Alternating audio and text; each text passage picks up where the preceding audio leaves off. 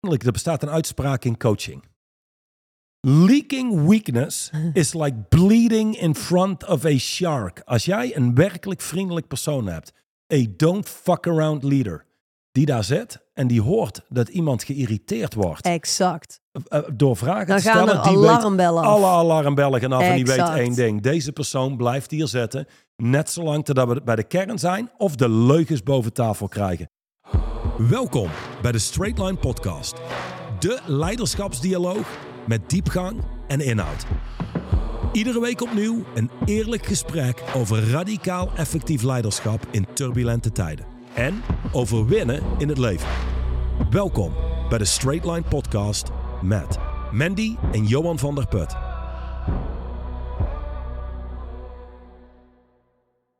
We zijn aangekomen bij hoofdstuk 34 van het boek. Straight Line Leadership, wat in totaal 52 hoofdstukken bezet. Dat betekent, we zijn bijna aan het einde van deze podcastserie. We zijn bijna aan het einde van deze podcastserie, maar 50 is het laatste hoofdstuk, hè? Ah, ik heb een ander boek. Daar staan nog twee Nee, hoofdstukken er in. zitten twee hoofdstukken voor, maar dat zijn niet echt hoofdstukken. Meer introducties en zo, en voorwoorden en zo. Ah. Maar, maar anyway, ja. We zitten bij hoofdstuk We zijn nog 34. dichter bij het einde dan ik dacht. Eh, ja, inderdaad. Eh, we gaan tot hoofdstuk 50. En jij dacht, eh, nou ja, dan, dan zit het erop, onze, ons podcastavontuur. Maar dan zit het er natuurlijk helemaal niet op, want we hebben aan het begin van dit jaar een tweede boek uitgebracht. Niet Straight Line Leadership deel 2, maar een boek dat heet Inner Stance. Oh ja, dan moet ik zeker daarvoor opkomen dagen weer. Dat is correct, want het boek is Engelstalig. Zal ook niet in het Nederlands uitgebracht worden, want Inner Stance wordt een boekenreeks van... eh, eh, de planning was drie, maar eh, qua content hebben we nu denk ik voor vijf of zes boeken al, ehm, al voldoende inhoud. En, en die gaan we daarna doen. Dus dan voor iedereen dus we die... zijn met deze snelheid van nieuwe boeken schrijven van Duchan... zijn we voor eeuwig podcast aan het doen. Ja, en dan als ooit de dag komt dat mensen denken... ik vind het echt gruwelijk saai om altijd maar Johan en Mandy te horen. We willen iemand anders. Ja, dan moeten ze dat zeggen.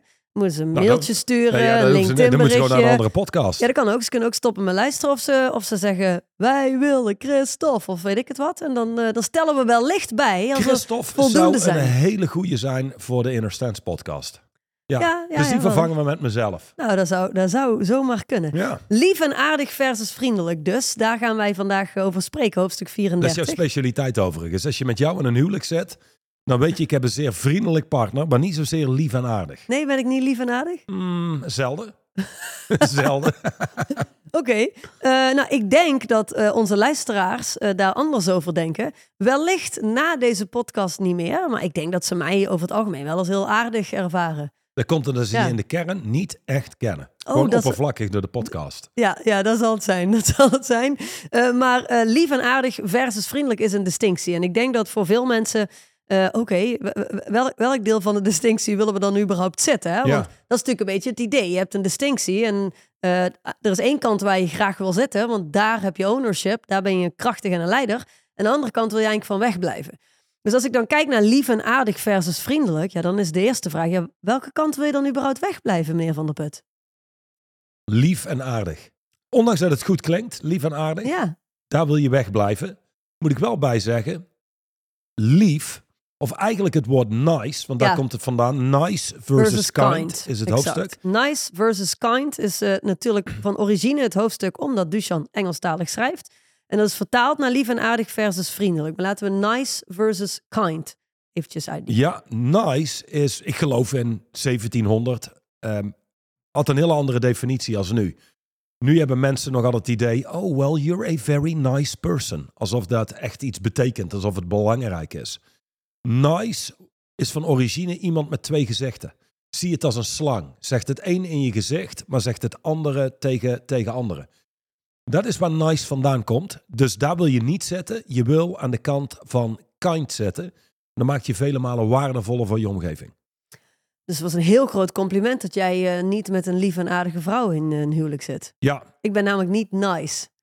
Ik heb niet twee gezichten. Ik doe niet richting jou. haha, en aan de achterkant denk ik iets anders. nee.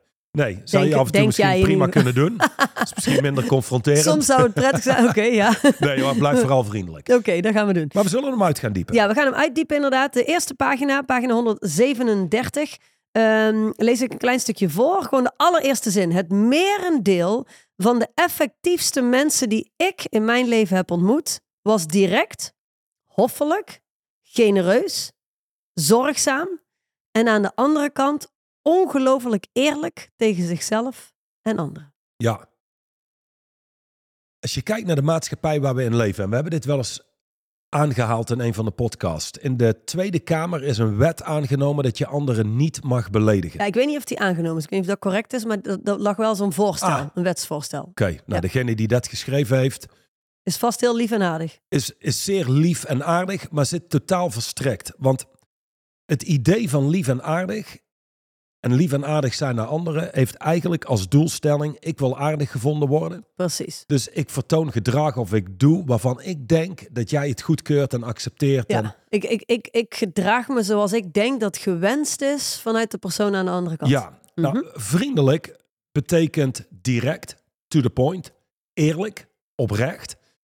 Dat staat ook in dit hoofdstuk. Ik weet niet of je dit later wilde benoemen of dat ik nu al iets eh, te vroeg opgooi. Maar je Nee. kunt andere mensen niet beledigen. Iemand kan zich beledigd voelen, Mhm. maar je kunt een ander nooit beledigen. Nou, dat staat ook in dit boek. Wil je daar meer over weten? Je hebt een boek van Byron Katie, vier vragen. Maar laat zeggen, maakt niet uit wat jij zegt. Wat er uit jouw mond komt, is jouw creatie. En ik kan dat aanhoren. In de kern heeft dat niks met mij te maken. Hè? Want het is jouw creatie, niet Ja. die van mij. Als ik me beledigd voel, is dat mijn creatie. Dan heb Mhm. ik dat iets laten betekenen voor mezelf. Ja. Ehm, wil je daar meer over weten? Nogmaals, lees dat boek. Daar kun je een hoop uithalen. Maar de reden waarom in de kern mensen lief en aardig zijn, is niet voor de ander, niet zozeer om een ander te sparen, maar om zichzelf te sparen. Heeft alleen maar te maken met je eigen imago. Je wil dat mensen je goed blijven zien, of positief, of aardig, vriendelijk, dat soort zaken. Oké, dan komen wij bij de tweede zin die ik gehighlight heb in dit hoofdstuk. Want het sluit precies aan op wat jij nu zegt. Dus net heb ik voorgelezen ehm, dat de meest effectieve mensen dus vriendelijke mensen zijn. Mensen die zijn eerlijk tegen zichzelf, eerlijk tegen anderen, maar daarbij wel hoffelijk en genereus en zorgzaam, et cetera. Nu, aardig zijn, staat hier, aardig zijn is manipulatief. En je verspilt er een hoop tijd mee. Mensen die handelen vanuit een inner stance van aardig zijn, hebben moeite om een standpunt in te nemen.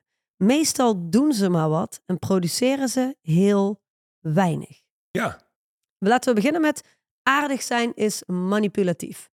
Vertel. Ja, ik, ik, het zat natuurlijk al in wat je net zei, maar ja, ja daar zit een agenda Ehm, achter. vertel. Dus sowieso, allereerst, toen ik met Duchan ging werken, na verloop van tijd hadden we een conversatie en toen zei hij iets wat uitkomt op, ik heb heel weinig met hele lieve, aardige mensen. Ja. Er is een reden waarom mensen altijd lief en aardig moeten zijn. En over het algemeen is dat om hun eigen bullshit achter de schermen te houden. ja, wij hebben een, een, Een eigen onethische gedrag.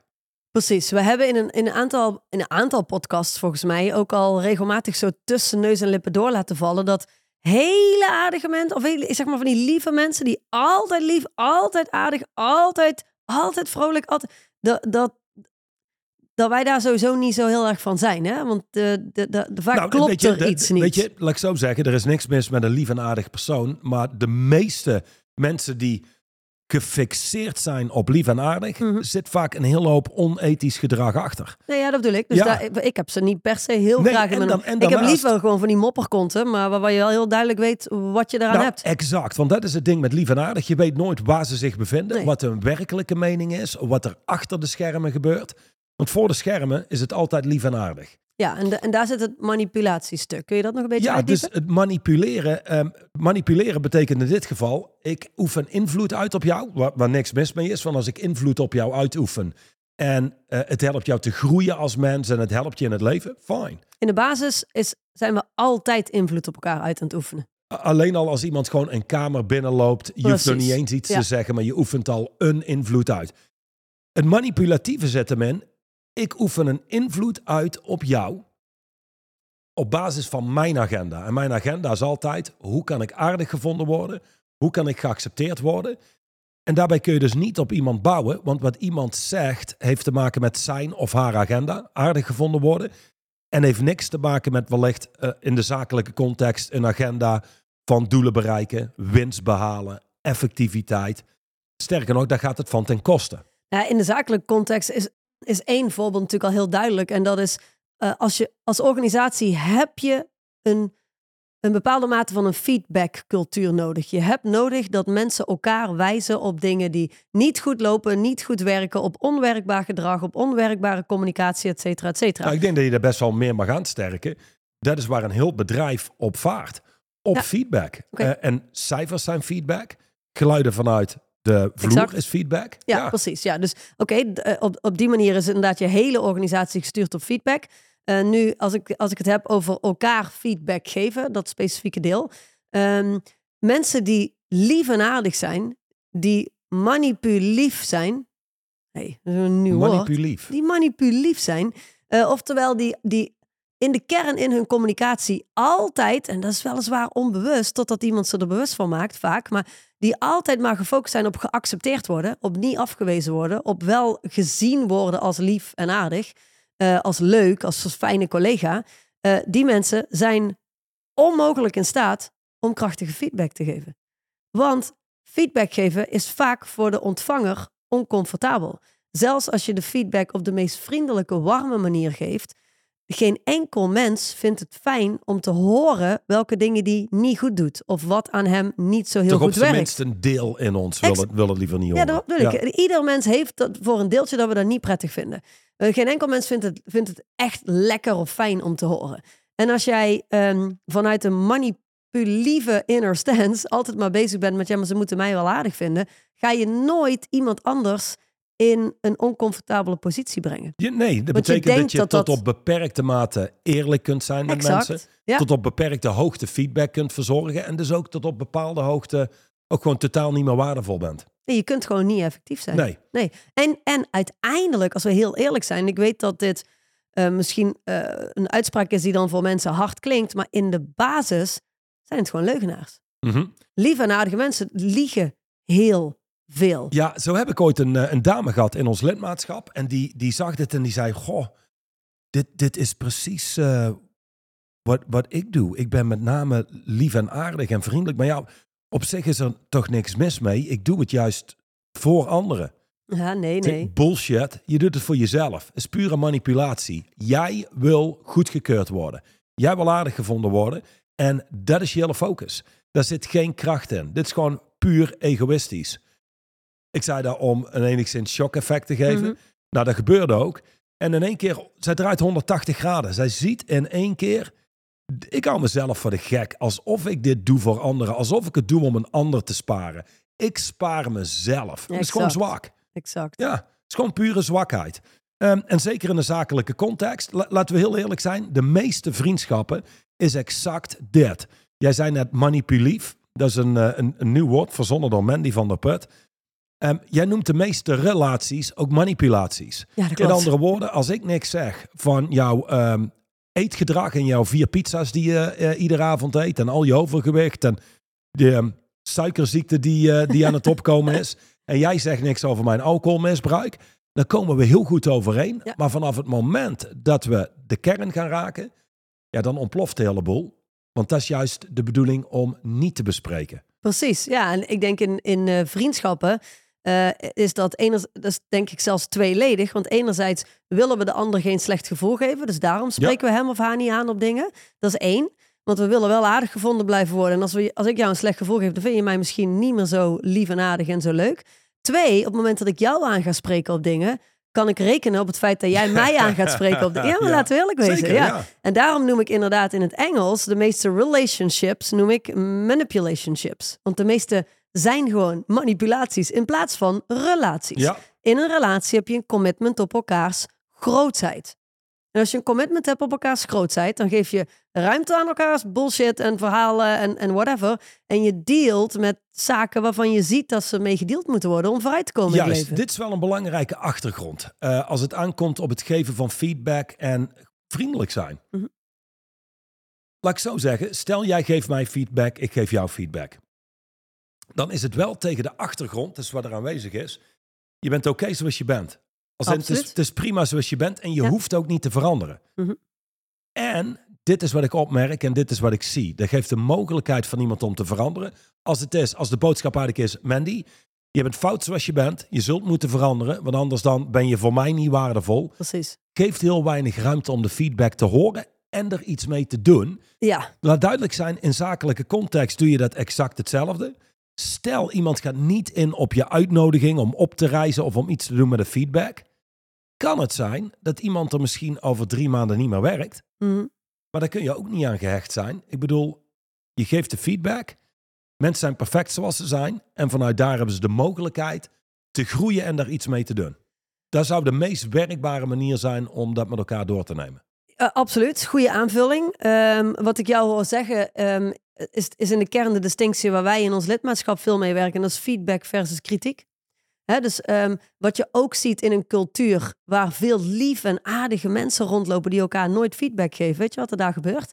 Daar stapelt shit op, daar stapelt shit op, daar stapelt shit op, daar stapelt shit op en bam, in één keer barst een bom en dan hebben mensen alleen nog maar kritiek op elkaar. Het is inderdaad niet meer opbouwend. Het, het heeft niks met feedback te maken. Het is volledig je, je persoonlijke shit die je in je hoofd hebt en alle meningen en alle verhalen die je door die tijd heen hebt opgebouwd, die kots je dan in één keer over iemand heen. En dat heet dan feedback. En als iemand daar niet mee om kan gaan, ja, dan is die persoon feedback, Feedback. intolerant. Ja, bullshit. feedback sensitief. Ja. Ja. of feedback sensitief inderdaad. Dus, dus er is zoiets als feedback geven, er is zoiets als kritiek geven. Als je feedback geeft, of het nou privé of zakelijk is, dan is altijd je eigen lading ervan af. Het is geen Altijd- projectie. Het is nee. niet omdat ik me stoor Jij aan hebt er geen, geef- nee, precies. Je hebt Ja. er geen emoties bij, geen gevoelens bij. Je, je hebt oprecht, in, in- vanuit een neutrale staat kun je observeren wat iemand doet dat niet werkt. En dat kan ook heel erg niet werken voor jou, maar dan hoef je nog niet met, met al je emoties Maar dat is, te dat is jouw komen. probleem. Eh, dat is niet het probleem van een ander. Ja, ja Precies, exact. precies. Maar dat- is de context waarin je feedback geeft. Ja. Wil je constructief met elkaar doorbouwen? Precies. Ehm, geloof het of niet, er is ooit één keer een bedrijf geweest bij een lezing van ons. En, ja, en ik moet, geloof het of niet? het schiet me net letterlijk te binnen dat ik denk, heb jij niet ooit iemand gesproken die zei, wij geven geen feedback? Dat is nee, een regel? Nee, we ja, precies. We geven geen feedback. We mogen elkaar alleen maar de dingen delen die goed gaan. Ja, dat was het. En ik luisterde daarnaar en ik wist in eerste instantie, zeg maar, amper hoe te reageren door mijn verbaasdheid. Dat ik denk, wie de fuck zijn jullie? Stelletje poesies. Weet je, want dat is wat het is. Als je elkaar niet meer kunt vertellen wat er niet goed gaat, dan ben je klaar in business. Laten we heel eerlijk Ja, zijn. en dan- Sterker nog, dan ben je klaar in het leven. Wie heeft er zo weinig guts ehm, om, om mensen de waarheid te vertellen? Als ik kijk naar jou en, en de meest waardevolle momenten, was dat ik feedback kreeg van jou over iets wat ik zelf vaak niet eens in de gaten had. Waar je Wat- jezelf mee in de weg zit. En wat ik misschien niet prettig vond om te horen, maar wat wel belangrijk was om te horen. Ja. Dat maakt mensen waardevol. Ehm, nou, laat zeggen dat ik denk hoe, hoe onze relatie eruit ziet. En we kijken naar feedback. ehm, dat ik denk dat sommige mensen dat niet zouden kunnen waarderen. Die komen het liefst thuis, checken uit, gaan we door de bewegingen heen. Ja, dat en, zeg eh, jij nou. Dat zeg je nou. Ik vraag me dat af. Ehm, in ieder geval op het punt waar we nu staan. Kijk, toen wij, eh, eh, we zijn dit, deze, zomer, eh, deze maand, deze maand, deze maand zijn we elf jaar getrouwd. Daarvoor waren we natuurlijk al samen. Is zeker in die eerste jaren, denk ik dat wij nog, nog onvolwassen waren in feedback geven. Dus we hadden een commitment op elkaars grootheid. We hadden ook vooral een commitment op gelijk hebben zelf. Hè? Dus daarin konden wij heel goed een soort van feedback geven richting elkaar. Een soort van feedback slash kritiek geven op elkaar. Ehm, ik denk persoonlijk dat wij nu op een plek zijn dat, dat menig één, als ze zouden zien, als ze achter de schermen zouden kijken, eh denk, oké, maar als ik zo in mijn huwelijk zou kunnen communiceren en als, als wij elkaar zaken op die manier terug zouden kunnen geven, ja, dat, dat, is- dat is goud waard, juist. Ik denk dat waar wij ons nu begeven, dat helemaal niet meer vervelend zou zijn voor mensen. Dat is waar. Om daar te komen, weliswaar, Moet je je ego behoorlijk opzij kunnen zetten. Eh, Ja, precies. En, en ik denk ook niet dat je op de plek in, eh, kunt komen in je huwelijk waar wij nu zijn, als je niet die reis doorgelopen hebt. Want, want daarin moet een ieder dealen met zijn eigen bullshit. Ja. Maar goed, terug naar lief en aardig versus vriendelijk. Eh, onze, ons huwelijk is in ieder geval heel vriendelijk. Ehm, er staat hier iets verder in het boek. Mensen die zeggen, ik deed aardig omdat ik hen niet wilde kwetsen, zeggen eigenlijk dat ze zichzelf niet rot wilden voelen over het feit dat iemand anders ze wel eens niet aardig zouden kunnen vinden. Newsflash! Je hebt helemaal niet de macht om iemand te kwetsen, wat je ook zegt. Dit doet mij denken aan een gesprek wat ik van de week heb gehad met iemand. En ehm dat is leuk. Was iemand in onze eigen organisatie zelfs. Eh, en dan denk je misschien, huh, eh, gebeurt dat ook bij Straight Line Leadership? Hey, wij zijn gewoon een organisatie die uh, gevuld is met mensen. Ja, dat lijken soms net gewoon mensen. Dat zijn gewoon mensen. Uh, en ik denk het verschil tussen, of, of wat maakt dat onze organisatie wel, nou niet wellicht, um, zeer zeker straight liner is dan de meeste organisaties, is omdat wij kunnen snel dingen zien en vervolgens shiften. Nou, daar zit straight line leadership. Straight line leadership zit niet in perfectie. Um, dus als ik terugga naar dit voorbeeld. Ik deed aardig omdat ik hen niet wilde kwetsen. Van de week sprak ik iemand um, binnen ons bedrijf. En die had contact gehad met een uh, externe partner. En intern bij ons had die behoorlijke uh, zeg maar feedback op die partner. Behoorlijke shit wat allemaal niet goed was en waar ze allemaal niet aan voldeden. En, en er was gewoon, weet je, er kwam er met behoorlijk wat power uit. En vervolgens hoor ik via via terug dat hij een gesprek heeft gehad met die partner. En dat hij daar alleen maar lief en aardig is geweest. Daar is, daar is niks van al die shit die, die zeg maar uh, op tafel bij Rashid en mij kwam, werd ook daar daadwerkelijk gedeeld. Um, en dat kwam via via terug, maar vanuit een bron dat ik dacht, hmm, oké, hier moeten we naar kijken. En het leuke is, um, Rashid die, die sprak hem erop aan. Van ja, maar hoe zit dat dan? En zijn antwoord was dit. En dit is, hij heeft dat zelf niet in de gaten totdat hij uh, dit gesprek had met Rashid.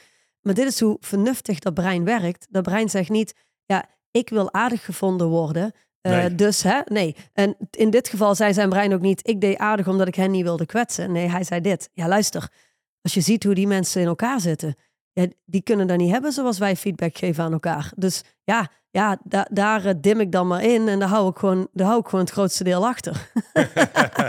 en het leuke is, en dat is natuurlijk hoe het brein werkt, het, het vindt iedere keer andere manieren en omschrijvingen om voor onszelf te justifyen waarom we terugvallen in de setting geaccepteerd willen worden. Want dat is wat daar werkelijk gebeurde. Wat daar werkelijk gebeurde was gewoon, ja, ik wil niet dat ze een te grote hekel aan me krijgen of whatever dat dan ook was. Waardoor die de feedback die bij ons zo duidelijk op tafel lag, daar niet kwam te liggen. Precies. Ja, het is gewoon een, een, heel goed voorbeeld van uh, hoe, hoe zich dat zakelijk je uit. met je en je doet geloven dat, dat je toch zeer vriendelijk bent, maar eigenlijk niet zo vriendelijk zou kunnen zijn, want het ligt exact. aan de ander. Ja, ja. ja precies. Ik kan niet echt vriendelijk zijn, want het ligt aan de ander. Nee, nee, nee, nee, nee. nee dat ligt altijd bij jou. Um, inderdaad, jij sprak al over Byron Katie. Is natuurlijk een ongelooflijk fantastische dame. Als je uh, hier meer over zou willen weten als het gaat om uh, iemand deel. kwetsen ja. en iemand beledigen.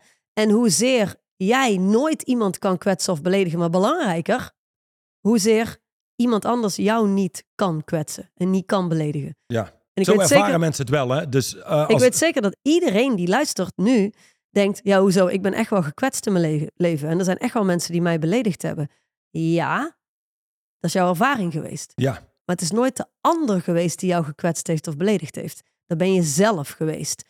Uh, daar gaan we nu niet te diep op in. Wil je daar meer over weten? Lees inderdaad het boek De Vier Vragen van Byron Katie. Um, maar dat geeft in ieder geval een hoop ruimte in communiceren met mensen. Het geeft een hoop ruimte als het aankomt op feedback ontvangen. Uh, en ja, en überhaupt in je leven. Nu, um, om bij um, uh, Straight on Leadership en ons hoofdstuk te blijven, hè, lief en aardig versus nu vriendelijk. Komt het, nu komt the heart of the matter, als je het vraagt aan mij. The heart of the matter is de quote van Tom McGovern. Uh, dat is een cliënt van Dushan. Al Goh, meer dan 30 jaar. Al meer dan 30 jaar, oké. Okay, fantastische kerel. Um, deze quote komt van hem.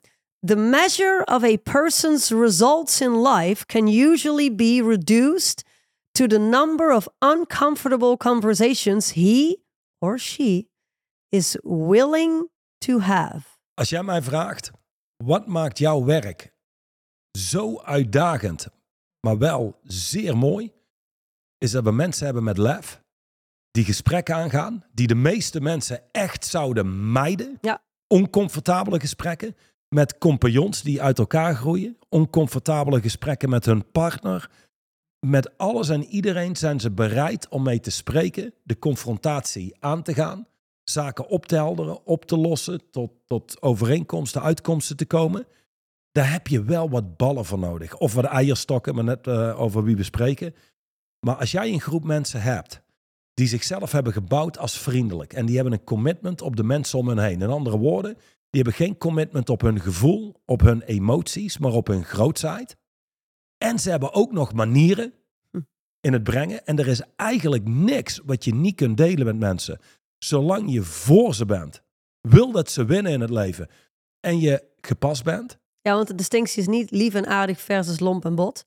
Nee, de dat distinctie mensen. is Nee. lief en aardig versus vriendelijk. Ja, en, en je kunt zeer gepast zijn en zeer warm zijn in je feedback. Terwijl je extreem eerlijk bent. Ja, en dit gaat. Heel eerlijk, dit is de reden waarom ik Dushan gekocht heb in ons eerste gesprek. En ik weet nog, ehm, met de omgeving die ik toen had, die zouden allemaal gezegd hebben: Goh, jullie hebben het goed voor elkaar, jullie zijn succesvol. En weet je, ehm, dat was misschien wel een, waar ik mee het gesprek in ging met Dushan.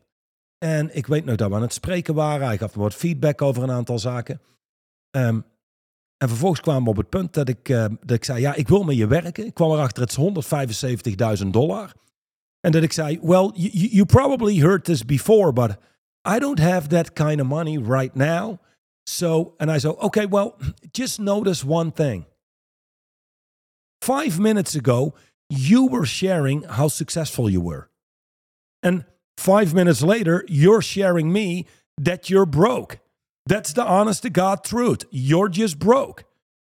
En ik weet nog dat ik daar zat en ik voelde me echt in mijn maag geschopt. Misschien wel zelfs lichtelijk beledigd voor een fractie. Gekwetst. Totdat ik daarnaar keek en dacht, laten we heel eerlijk zijn, die man heeft fucking gelijk. En zeker vanuit zijn context. Die kent geen één coach, consultant die minder dan een miljoen dollar per jaar verdient. Dat is gewoon zijn wereld. En ik keek daarnaar en dat ik dacht, hij voelt zich ook zo comfortabel in het geven van die feedback. Er is geen terughoudendheid, maar hij was wel gepast. Maar er was ook geen lading. Dat was geen lading. Nee. Het was niet zo soort van, well, you're just an asshole. Precies. You're broke. You're a loser. Nee, helemaal niet. Het was een observatie die die deelde, Ja. waar ik de mogelijkheid had om naar te kijken. En daar tot de conclusie kwam, als ik zo zou kunnen spreken zoals hij, zo ongereserveerd, zo direct en to the point, maar wel, hij doet het voor mij. Hij doet het niet voor zichzelf. Weet je wel, al zou hij het voor zichzelf doen en hij dacht, oh, dit is een, een potentiële cliënt, dan was hij misschien wel veel liever en aardiger geweest. En dan was hij daar overheen gestapt en had hij gezegd, well, let's look at how we deal with your payment. Hmm. Nee, het was, just notice that, you're broke. And if you don't want to invest $175,000, that's okay. But just go get a job. Mhm. That would be the thing. Go get a job. You're not an entrepreneur. If you really look at it, a real honest to God coach who is really valuable for others, well, he probably makes a million dollars a year. Dat is de context die hij neerzette en hij wees me op een aantal dingen die compleet afweken van wat krachtig en effectief is. Ja.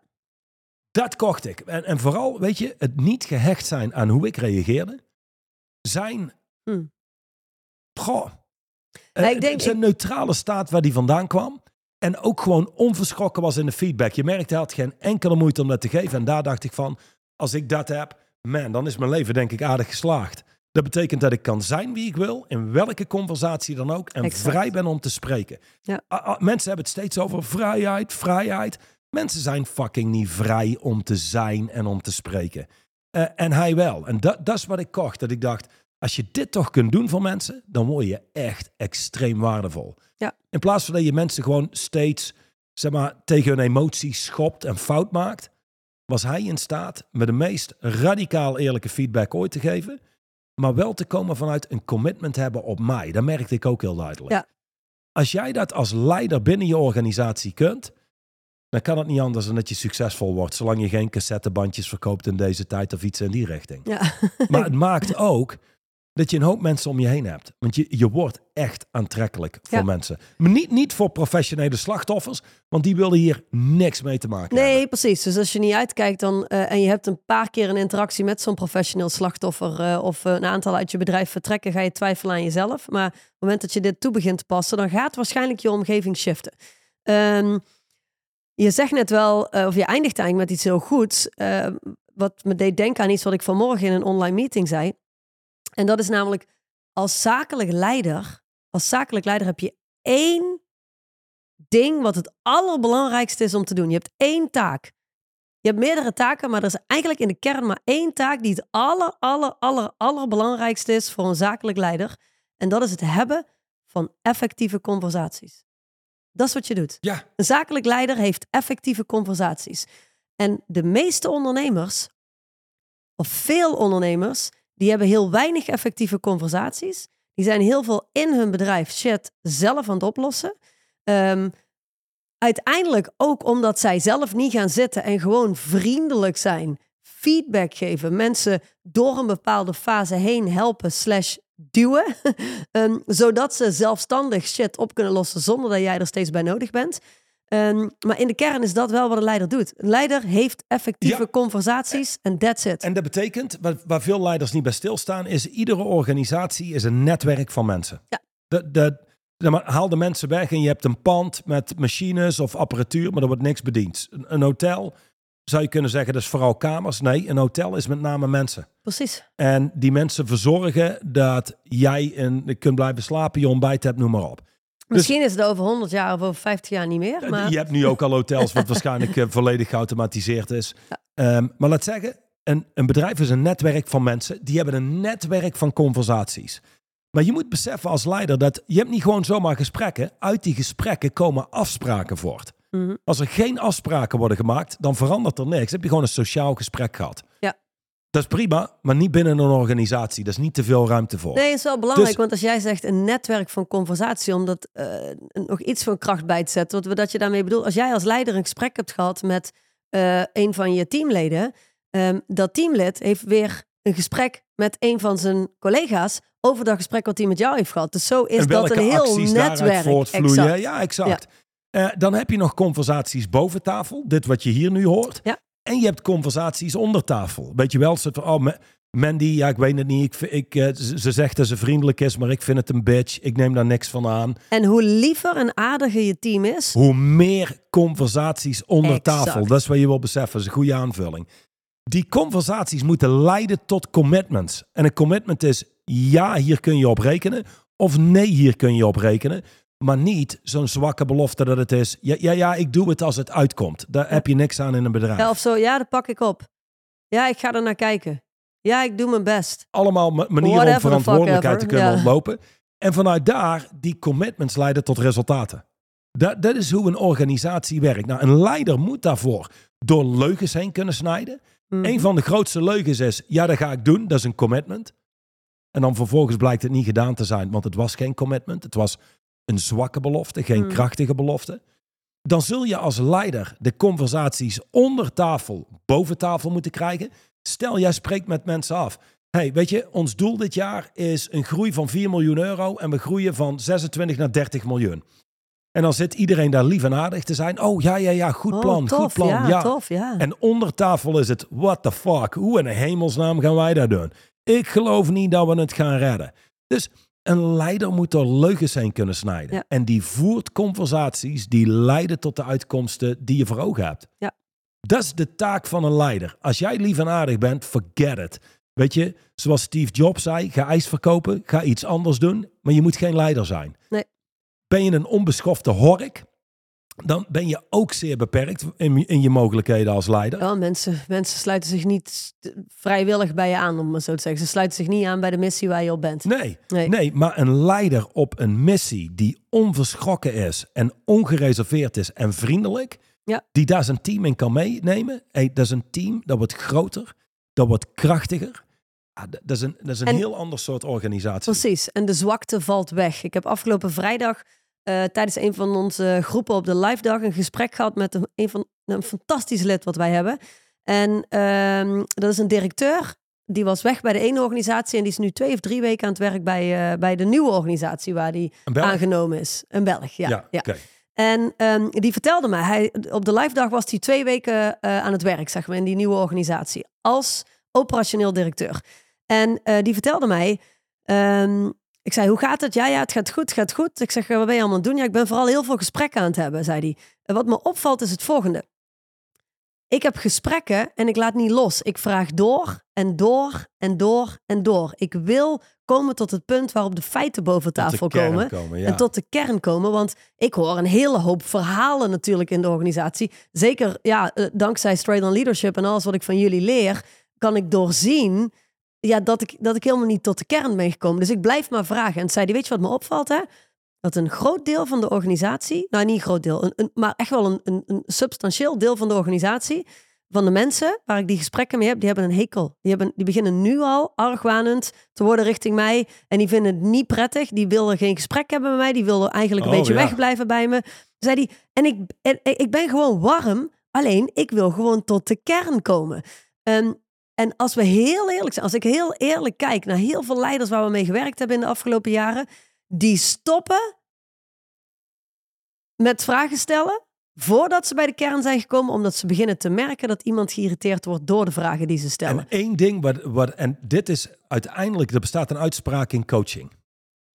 Leaking weakness is like bleeding in front of a shark. Als jij een werkelijk vriendelijk persoon hebt, a don't fuck around leader, die daar zit en die hoort dat iemand geïrriteerd wordt Exact. eh, door vragen Dan te gaan stellen, er die weet alarmbellen af. alle alarmbellen gaan af en die weet één ding. Deze persoon blijft hier zitten, net zolang totdat we bij de kern zijn of de leugens boven tafel Precies. krijgen. Want die is Maar iets dit- aan het Dit beschermen. komt niet door de ruiktest. Weet je wel, dit komt niet door de geurtest. Nee. Dit ruikt aan alle kanten. exact. Hier moeten we op inzoomen. Dit is echt als bloed voor een haai. En die gaan daar dieper op in. Ja.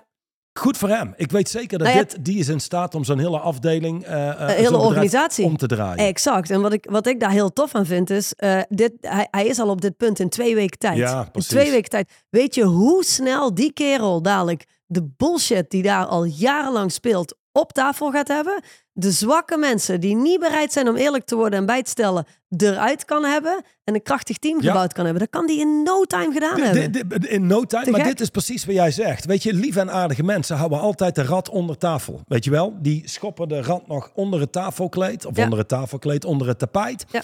En dan komt hij aan de overkant van de tafel eronder uit. Dit is wat leiders doen. Die gooien de, gooien de dode rat op, Op tafel. zonder enige moeite. En die bespreken zonder emoties. Zonder, Zonder allemaal- oordeel. Exact. Maar gewoon, hey, dit Over is wat feitelijk gaande is. Juist. Precies. Als je dat niet kunt als leider, dan ben je ook geen leider. Dan ben je een volger. En dan ben je een volger van die stem in je hoofd die je opdraagt wat je wel en niet kan zeggen. Ja, precies. Ja, precies. Dat is een hele goeie. En zoals Tupac zou zeggen, you don't want to be a bitch. Dat is in de kern wat het inhoudt.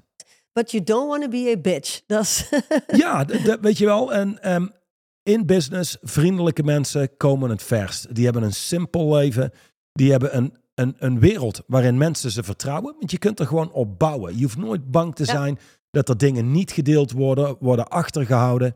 Dus ik zou zeggen, stop met lief en aardig zijn. Ben vriendelijk, met manieren en heb een commitment op grootheid van mensen. Ja, bam, bam, bam. En, doe dat gewoon, absoluut. Eh, ben ik helemaal met je eens. Een laatste deel, dan kunnen we deze podcast afronden. Eh, want eh, na deze quote staat er een hele mooie zin, want daar zegt, wat is dan vriendelijk zijn? Wat is dan vriendelijk zijn? Want we hebben nu heel erg goed uitgediept wat, wat lief en aardig zijn is en wat je vooral niet wil doen. We hebben natuurlijk al heel goed gekeken naar wat vriendelijk zijn is, want staat hier ook vriendelijk zijn is eerlijk zijn tegen anderen. Niet tegen anderen zeggen wat je denkt dat ze willen horen, zodat jij jezelf beter voelt. Als een van jouw medewerkers vraagt wat je van zijn nieuwe pak vindt en jij vindt dat het lijkt op iets waar hij de afgelopen drie weken in heeft geslapen, wees dan zo vriendelijk en zeg het hem. Het zit ook in de kleine dingen, hè, vriendelijkheid. Er was laatst Iemand niet trouwens voor schut laten precies lopen. Dit voorbeeld gaf, zei hij. We hebben nu iemand op kantoor en die, het ging om zijn pak en hoe die rook. Ja. Zeg, luister, lees het hoofdstuk 34, pagina 137, Straight Line Leadership. Daar staat het letterlijk in. Oh, oh ja, dat Ja. ging ook echt over een pak. Ja. ja. Uh, uh, hier staat: Wees dan vriendelijk en zeg het hem. Als iedereen altijd lief en aardig voor hem is geweest, is hij misschien in eerste instantie enigszins gechoqueerd. Maar je helpt hem iets te zien dat het verschil kan maken in de rest van zijn carrière. Inderdaad, als er iets is aan iemand dat ook maar enigszins ongemakkelijk is, of als er gewoon iets is aan iemand wat niet werkbaar is, de echt vriendelijke mensen, volwassenen, geen kinderen, maar volwassen, vriendelijke, liefdevolle mensen geven het terug om de ander vooruit te helpen in zijn leven. Dat is wat vriendelijk zijn is. Lief en aardig is niks anders dan manipu Lief. en creëert een hele hoop manipulationships in plaats van krachtige relationships. Dit was de podcast voor deze week. We zien je volgende week met hoofdstuk 35. Beste mensen, bij een positieve nee versus een afwijzing. Als je dan in mijn huwelijk zit, dan kun je deze maar beter gewoon eigen maken. Dus dit wordt weer, dit wordt weer een spectaculaire Vriendelijke mensen, distinctie. doen aan positieve, af, positieve, nee, nee, positieve afwijzingen. Tot volgende week. Bye, bye. Doeg!